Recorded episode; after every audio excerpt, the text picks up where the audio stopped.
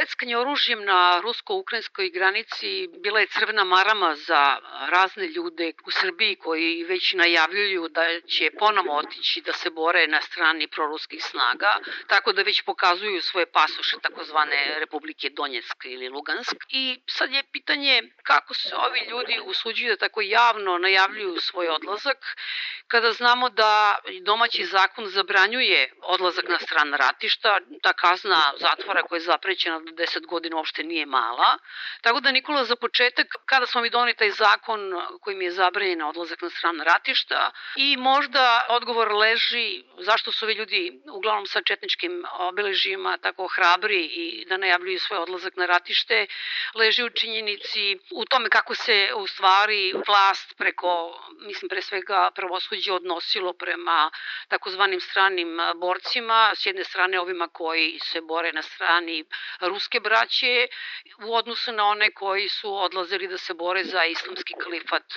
Iraka i Levan. Generalno kada pričamo o stranim borcima, pričamo o jednom fenomenu koji je kada je reč o međunarodnom pravu i pre svega rezolucijama Saveta bezbednosti jedinih nacija, a kasnije i tim jednim dodatnim protokolom uz Evropsku konvenciju o sprečavanju terorizma koju je Srbija ratifikovala, svaki vid učešća u oružanim sukobima na stranim ratištima a da niste pripadnik neke međunarodne organizacije, neke od zvaničnih snaga, je zabranjeno. I mi smo prateći taj ajde kažemo, međunarodno pravni trend, izmenili naš krivični zakonik i uvali smo dva krivična dela koja za cilj imaju tako da inkriminišu ili odlazak na stranu ratište radi uzimanja učešća na oruženom sukobu ili organizovanje odlaska na strane ratišta takođe zarad učestvovanja u oruženom sukobu u nekoj stranoj zemlji. Taj krivični zakonik je promenjen upravo tako u periodu kada je pre svega rat u Siriji bio na svom vrhuncu i kada u jednom momentu sukob između opozicije i Asada se pretvori u sukob između pet ili šest zaraćenih strana. Kada je nastao ISIS, ali izme, pored ISIS-a Jan Nusra Front i brojne druge grupacije i kada je zapravo e, taj fenomen stranih boraca postao toliko rasprostanjen u tom zapadnom svetu da je veliki broj ljudi zaista dobro odlučivao da ode i da se priključi pre svega islamskoj državi, ali isto tako i da se priključi različitim drugim jedinicama, kao što su kurdske jedinice i slično. Tada su zapravo sve te rezolucije nastale i taj dodatni protokol s konvenciju i tako dalje. I ono momenta kada Republika Srbija, je tako su te rezolucije donete, Republika Srbija ratifikovala svoj krivični zakonik i nekako paralelno sa konfliktom u Siriji koji se odvija od 2011. 2014. godine, ako se ne varam, došlo do intenziviranja sukoba u Ukrajini. I onda smo se mi kao je tako država našli u situaciji da se naše teritorije na jednu stranu odlaze tako Srbi i pravoslavci da ratuju za braću Ruse, u proruskim paravojnim formacijama koje deluju u Lugansku, Donjecku, Krimu, Donbasu i slično, a da sa druge strane srpski državljani koji su bošnjaci, muslimanski ispovesti, koji su, ajde kažemo, to gledali kao priliku da, kako su oni to govorili, praktiku izvorni islam, odlazili da se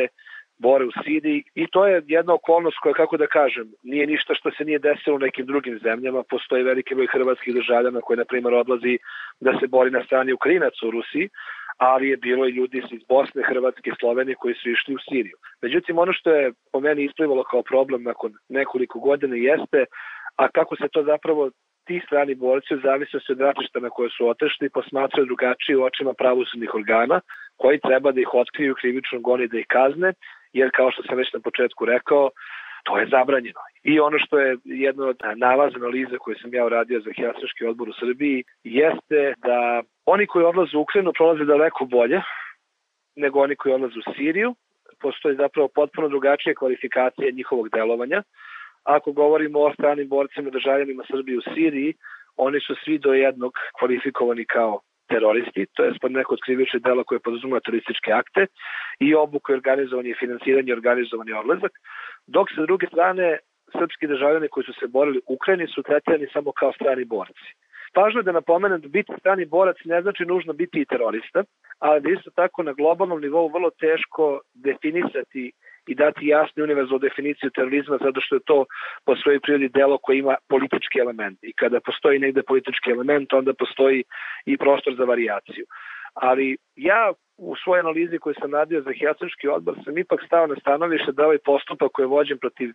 boraca koji su otišli u Siriju jedan postupak koji je dobro rađen u kome se vide elementi međunarodno pravne saradnje sa drugim državama. Su primenjivane posebne dokazne radnje u smislu tajnog snimanja i nadzora komunikacije tih ljudi, da su prikupljene razna dokumenta, ali sa druge strane napor koji je uložen da se razbije mreža i grupa ljudi koja organizovano šalje i odlazi u Siriju, apsolutno izostao kada govorimo o borcima koji su otešli u Ukrajinu, a kojih je zapravo daleko više. Znači on se meri u stotinama danas dok pričamo. Ok, nije svaki stani borac i terorista, ali kada čitate te sporazume o priznanju krivičnih dela koje je više javno tužilo što u Beogradu zaključilo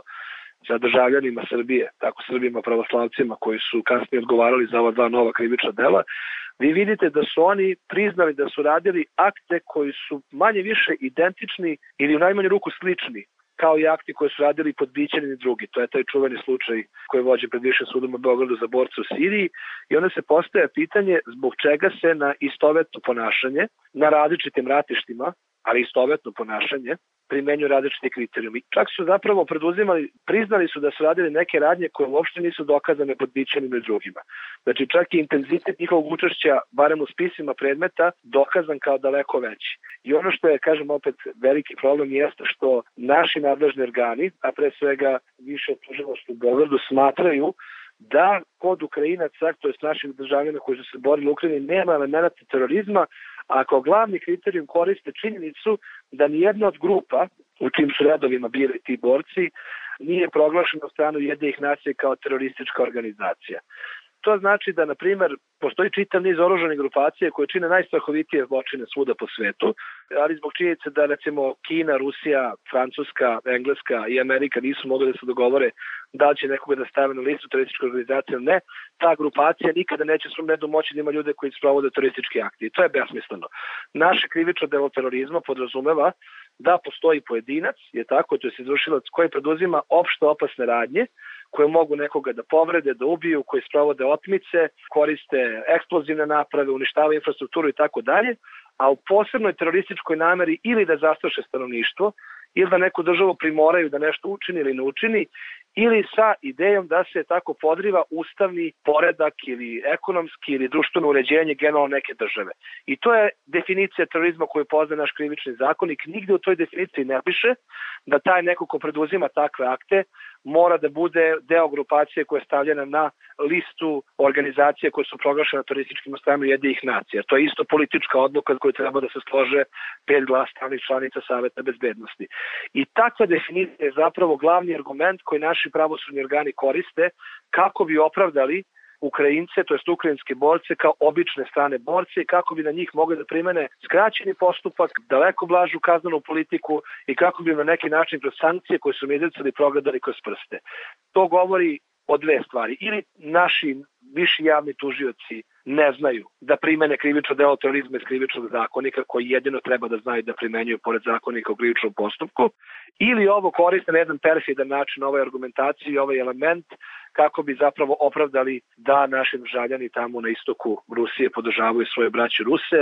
i krše čitav niz međunarodnih konvencija, ali između ostao krše i srpski krivični zakonik. Nikola, ti si e, razgovarao, imao priliku da razgovaraš sa sudijama na nekoj obuci, koliko sam razumela kada ste pričali o tome. Šta oni kažu? Aha, pa da, to je bio jedna, kao da kažemo, sesija na kojoj sam ja predstavio rezultate svog istraživanja i u principu jedan od glavnih elemenata jeste svakako taj tako da li određena organizacija na terorističkoj listi ili nije, a sa druge strane ovaj, da nije moguće prikupiti dokaze u odnosu na borce koji se nalaze u Ukrajini to jest da je vrlo teško očekivati od naših nadležnih organa da prikupljaju dokaze sa stranih ratišta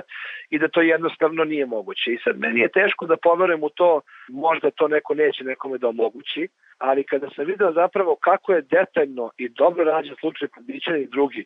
Meni taj slučaj govori da je moguće. Prosto je neverovatno da je više stotina srpskih državljana otišlo u Ukrajinu i da neko tvrdi da, da se to desilo spontano, da nema organizacije, da nema finansiranja, da nema obuke. Ne mogu da negiram činjenicu da sam video da su i tekako dobro odradili predmet naših državljana koji su odlazili u Siriju. Tako da po meni očekujem da se primene isti aršini i ta argumentacija mi nemamo kapaciteta da prikupljamo dokaze na ukrajinskom ratištu, ne sme da bude izgovor i mora da se pokaže mnogo bolja volja i mnogo, ajde kažemo, veća želja naših pravosudnih organa da tretiraju ovu pojavu. Ja verujem da među stranim borcima Ukrajine kako ima ljudi koji su se tamo bavili terorističkim aktima. Ima i običnih stranih boraca tako koji nisu preduzimali te akte koji ostvaruju zakonsko biće krivično dela terorizma, ali ukoliko se ovako kaznena politika nastavi, ukoliko se kroz ove uslovne osude nastavi tolerisati odlazak stranih boraca u Ukrajinu, slobodno ćemo moći da kažemo da Srbija svojim pasivnim stavom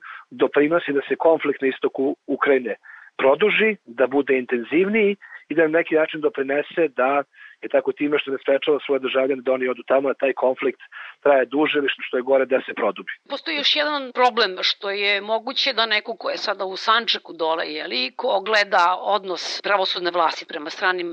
borcima u Ukrajini, da kaže pa dobro, čekaj, znači ovo je još jedan dokaz da mi u ovoj zemlji nismo ravnopravni. Tako je, mislim, i ovi sirijski, ukrajinski borci su ljudi koji spadaju u kategoriju nasilnih ekstremista, a nasilni ekstremizam vrlo često buja u društvima u kojima postoji ajde kažemo neka vrsta socioekonomske deprivacije, gde postoji nisek stepen obrazovanja, ali gde državne institucije postupaju na jednak način prema različitim kategorijama. Tako da sada može da se pojavi neki mladi bošnjak iz Sanđaka koji eto, nažalost živi u sredini u, u Republike Srbiju koji iako govorimo o islamskom ekstremizmu kao nečemu što je u padu, barem su to nalazi Beogradskog centra za bezbednostnu politiku i dalje su ovi prostori generalno prostori na kojima manipulacija mladim ljudima koja može dovesti do ekstremizma, tako to je za njihove ekstremizacije, može, na primjer, neko da iskoristi ovaj argument koji sam ja iznao na toj konferenciji, to je evo kako prolaze je tako ovi koji su Srbi i pravoslavci, koji tamo ratu za krince,